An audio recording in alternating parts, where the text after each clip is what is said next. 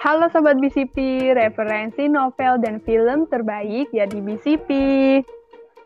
Halo Sobat BCP semua, gimana nih kabar kalian semua? Semoga baik-baik aja ya. Dan tetap ingat loh, tetap jaga kesehatan dan patuhi protokol kesehatan selalu karena pandemi sekarang ini lagi naik-naiknya loh. Apalagi di wilayah Jabodetabek dan seluruh pulau Jawa bahkan seluruh Indonesia sih atau bahkan seluruh dunia tapi walaupun ya masih ada sih beberapa negara negara kecil sih kebanyakan yang penduduknya sedikit yang masih belum banyak terpapar gitu kan. Kalau kita kan lagi naik nih lagi meningkat juga jadi mending di rumah aja ya kan di?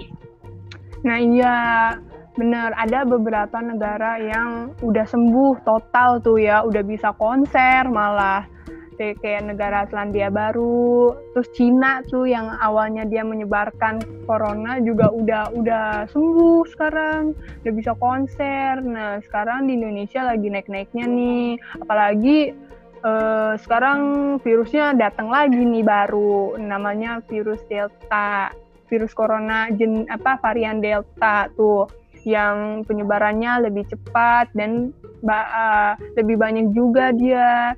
Jadi hati-hati tuh.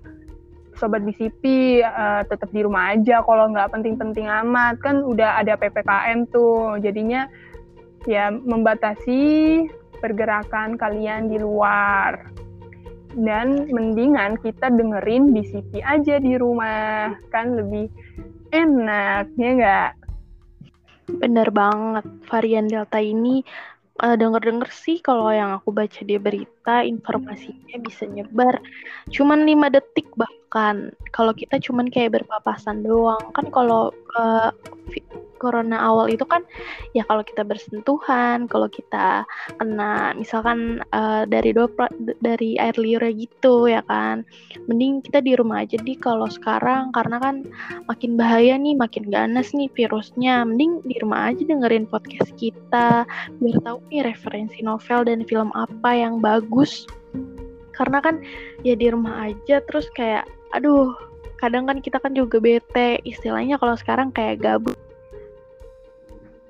kalau kalian kan ya pasti kalau sekolah kan cuma pagi, siang atau bahkan sore. Pasti kan nanti dari sore ke malam, aduh gue mau ngapain nih? Mending gue buka BCP aja ah.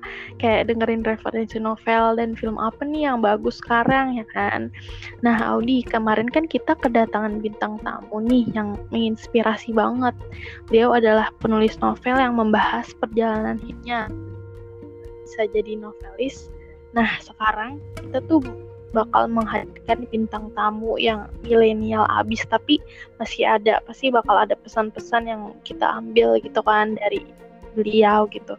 Dan pasti kalian semua nggak bakalan asing sama bintang tamu yang satu ini. Siapa sih yang nggak tahu media sosial yang sekarang ini ya kan?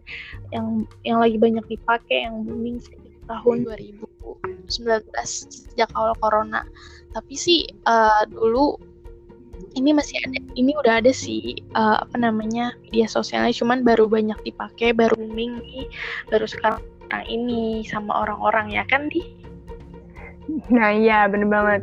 Uh, media sosial ini tuh ini kan uh, hype banget pokoknya booming banget.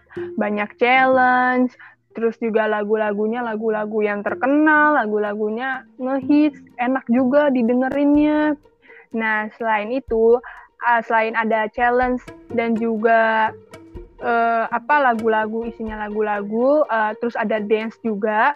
Uh, ada juga nih uh, dia itu uh, kayak ada kreator yang suka ngerekomendasiin film gitu suka mengulas filmnya juga, review uh, film juga. Nah, itu namanya Kak Junita Eka Pertiwi. Dan sekarang dia menjadi bintang tamu di BCP.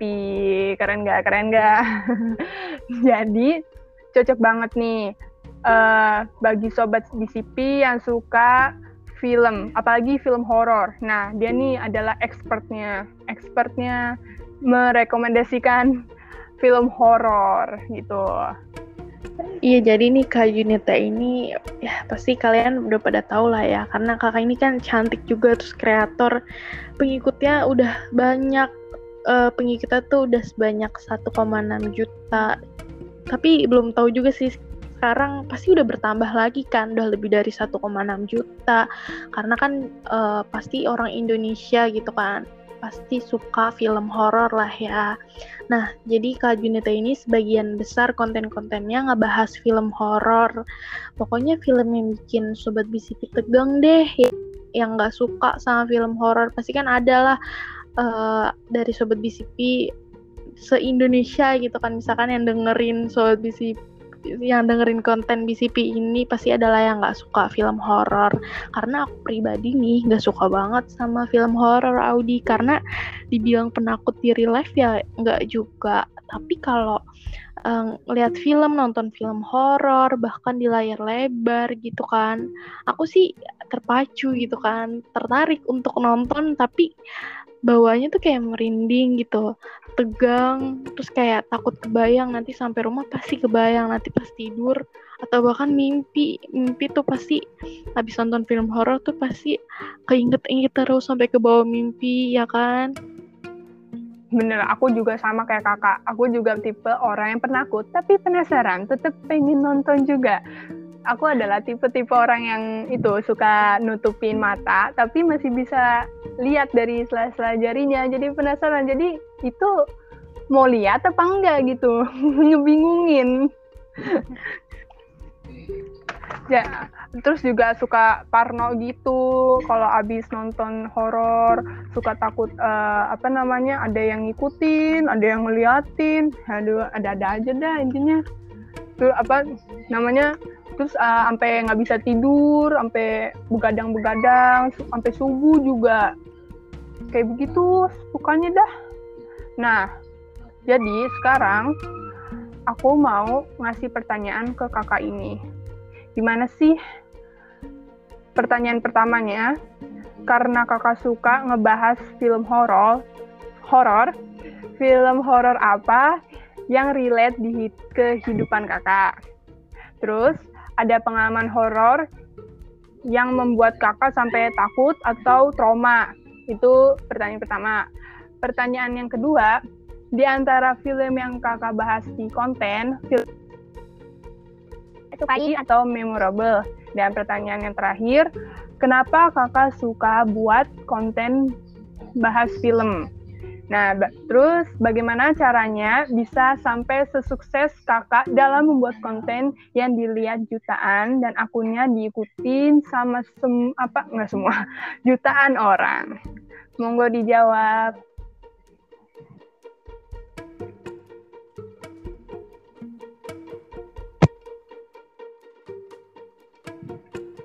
Pertanyaan yang pertama, kenapa aku memilih buat membahas hal horor?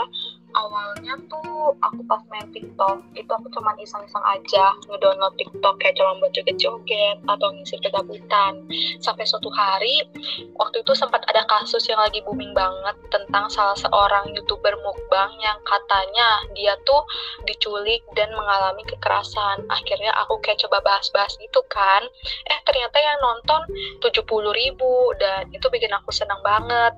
Terus kebetulan aku tuh suka banget kan nonton film dan film yang aku tonton itu rata-rata memang film kayak misteri, pembunuhan, terus horor.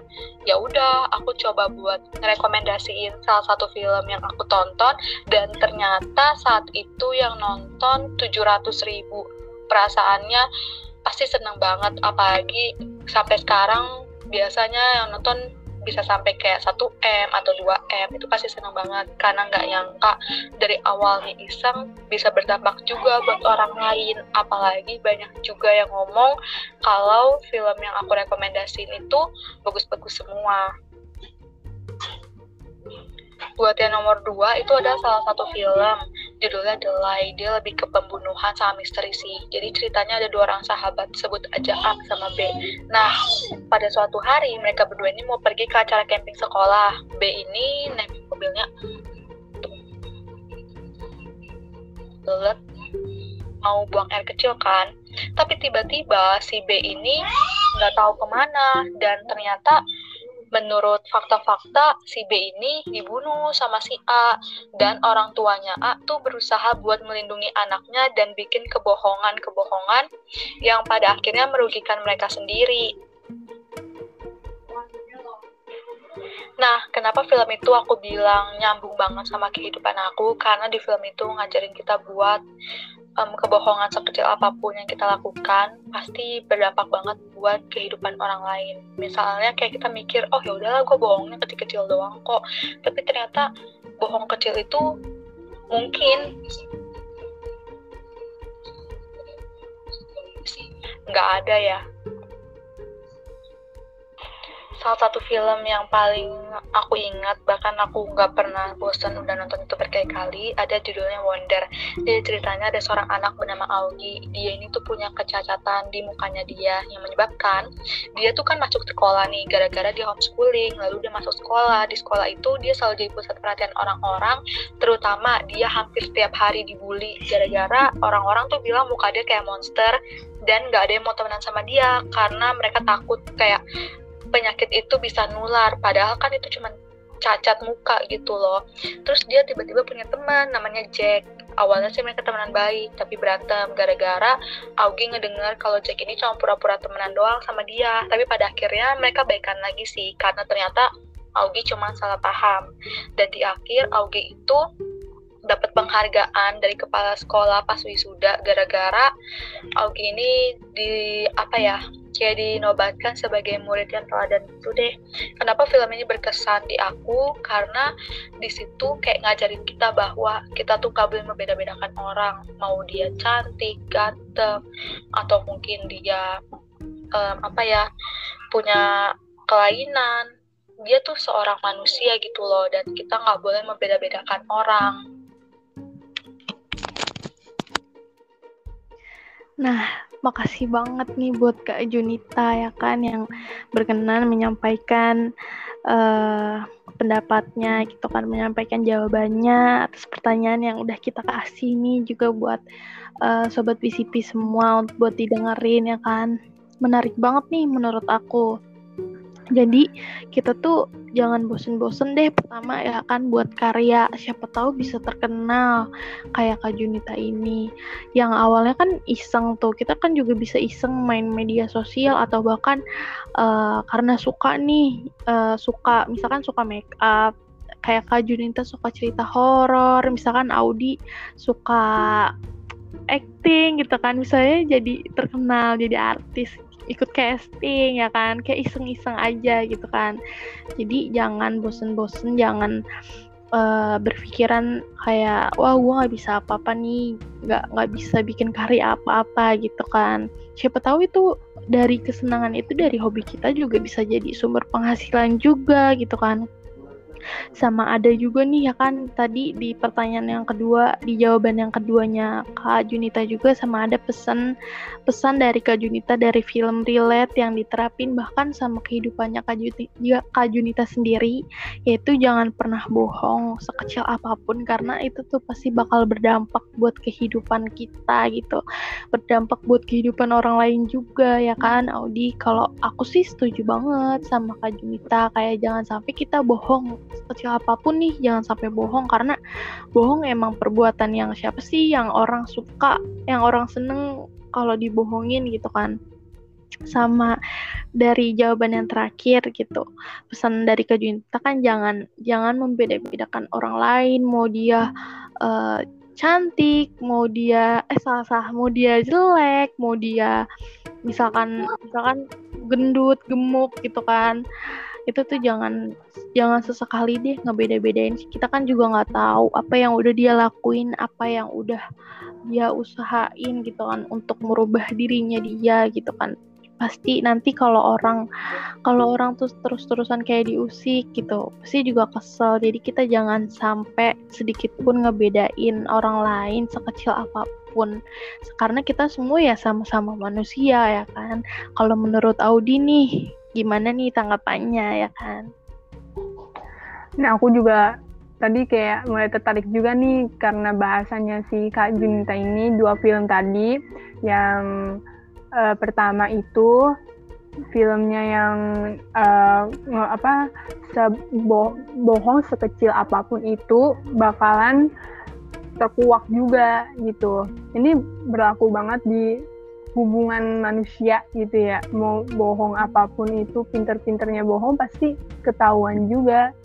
Karena bakalan ada orang-orang yang mencari kebohongan itu. Kayak uh, api tidak apa sih? Kayak apa sih yang pepatah itu tuh? Tidak akan ada api kalau nggak ada asap. Eh nggak nah, akan ada nggak ada nggak ada asap kalau nggak ada api ya kan? Yep. ya itu kayak gitu. Terus film yang kedua juga ini relate banget sama kehidupan karena um, sekarang banyak banget orang-orang yang mandang fisik pokoknya yang cantik lah yang yang pokoknya yang sesuai standar beauty banget gitu ya sesuai standar putih yang putih tinggi langsing bla bla bla bla bla kayak gitu itu relate banget jangan ngebedain orang-orang karena kita nggak tahu dalamnya kayak apa. Jadi kita harus nilai orang itu dari dalam hatinya dan pikirannya gitu. Ya pikirannya. Tapi nggak nggak apa maksudnya kenali orangnya dulu gitu. Nggak nggak mungkin baca pikirannya gitu bukan. Maksudnya kenali orangnya dulu uh, kenali personalitinya kan bisa apa namanya bisa dinilai kalau personalitinya bagus bagus otomatis orang itu juga bagus kualitasnya ganteng atau cantik gitu. Nah dari kakak sendiri nih uh, ya walaupun gak suka film horor ya tapi pasti pernah lah nonton film horor. Menurut kakak paling seru itu apa sih kak? Yang mana gitu? Ceritain. Aduh aku tuh aku tuh kalau nonton film horor sebenarnya tuh juga sama kayak kamu kayak uh, lihat nih tapi ngintip-ngintip di kita aja gitu. Soalnya kayak takut banget gitu kan. Tapi ada sih yang bener-bener aku takutin. Uh, film Indonesia juga ada sih cuman yang bener-bener aku takutin aku tuh kan takut banget sama zombie. Jadi itu yang film dari Korea kayak tran trans tran tubusan gitu kan itu aku takut tren tubusan tren tubusan itu aku takut banget. Karena menurut aku apa ya serem gitu loh. Jadi kayak pe penggambarannya di di layar tuh serem banget. Dikejar-kejar terus uh, tapi ada sedihnya juga sih karena kan dia uh, mau ketemu sama ibunya ya kalau nggak salah. Tapi dia akhirnya kehilangan bapaknya juga karena bapaknya akhirnya jadi zombie. Jadi yang jadi yang hidup tuh cuman anaknya doang tuh. Tapi akhirnya ketemu eh, tapi sama ibunya juga sih yang lagi hamil ya kan. Itu sih yang paling aku takut. Soalnya mukanya tuh aduh sama, sama kamu tau lah kayak sobat BCP semua tau lah zombie itu kayak gimana ya kan kalau kamu kalau kamu pribadi tuh apa sih film yang paling kamu takutin banget atau yang paling yang serem lah gitu? Yang Indonesia ada nggak yang Indonesia? Hmm uh, kalau Indonesia tuh aku jarang nonton karena pertama ya uh, gitulah. Dulu kalau notabene uh, film horor Indonesia begitulah. Pas dan sobat BCP tahu lah ya kan kak? Tahu nggak? Notabene film horor tuh ada begitu. Tahu nggak? Ya gitu. Pokoknya ada begitu.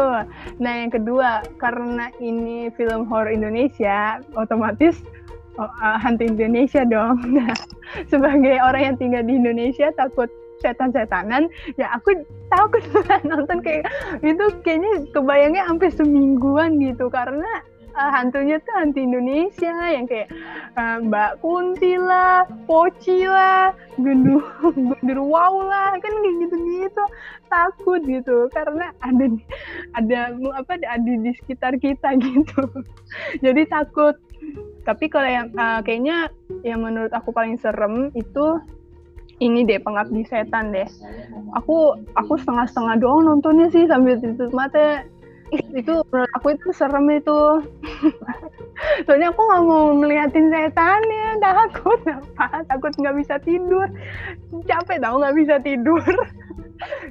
Terus kalau kalau uh, yang top one apa paling top lah menurut aku referensi dari aku itu uh, Conjuring satu. Itu benar-benar masih serem sih di antara Conjuring Conjuring lainnya.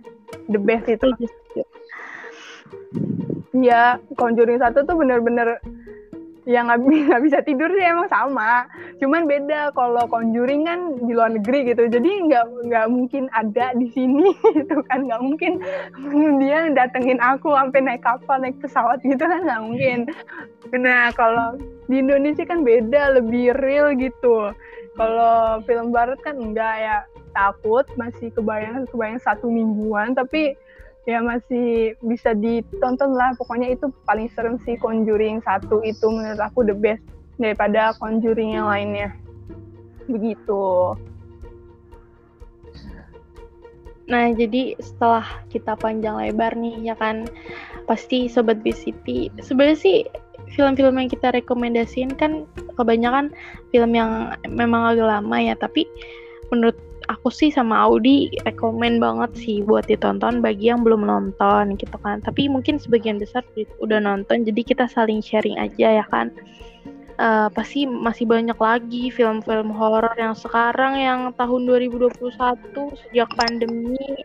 Uh, kan emang jarang tuh yang keluar-keluar film. Tapi aku kemarin dulu sempat nonton di layar lebar sih. Aku lupa judulnya apa film Inggris juga itu juga takut banget ya Nah, jadi setelah kita panjang lebar nih ngobrolnya, mungkin episode kali ini sampai sini dulu ya. Nanti kita lanjut lagi di episode selanjutnya ya kan, Audi?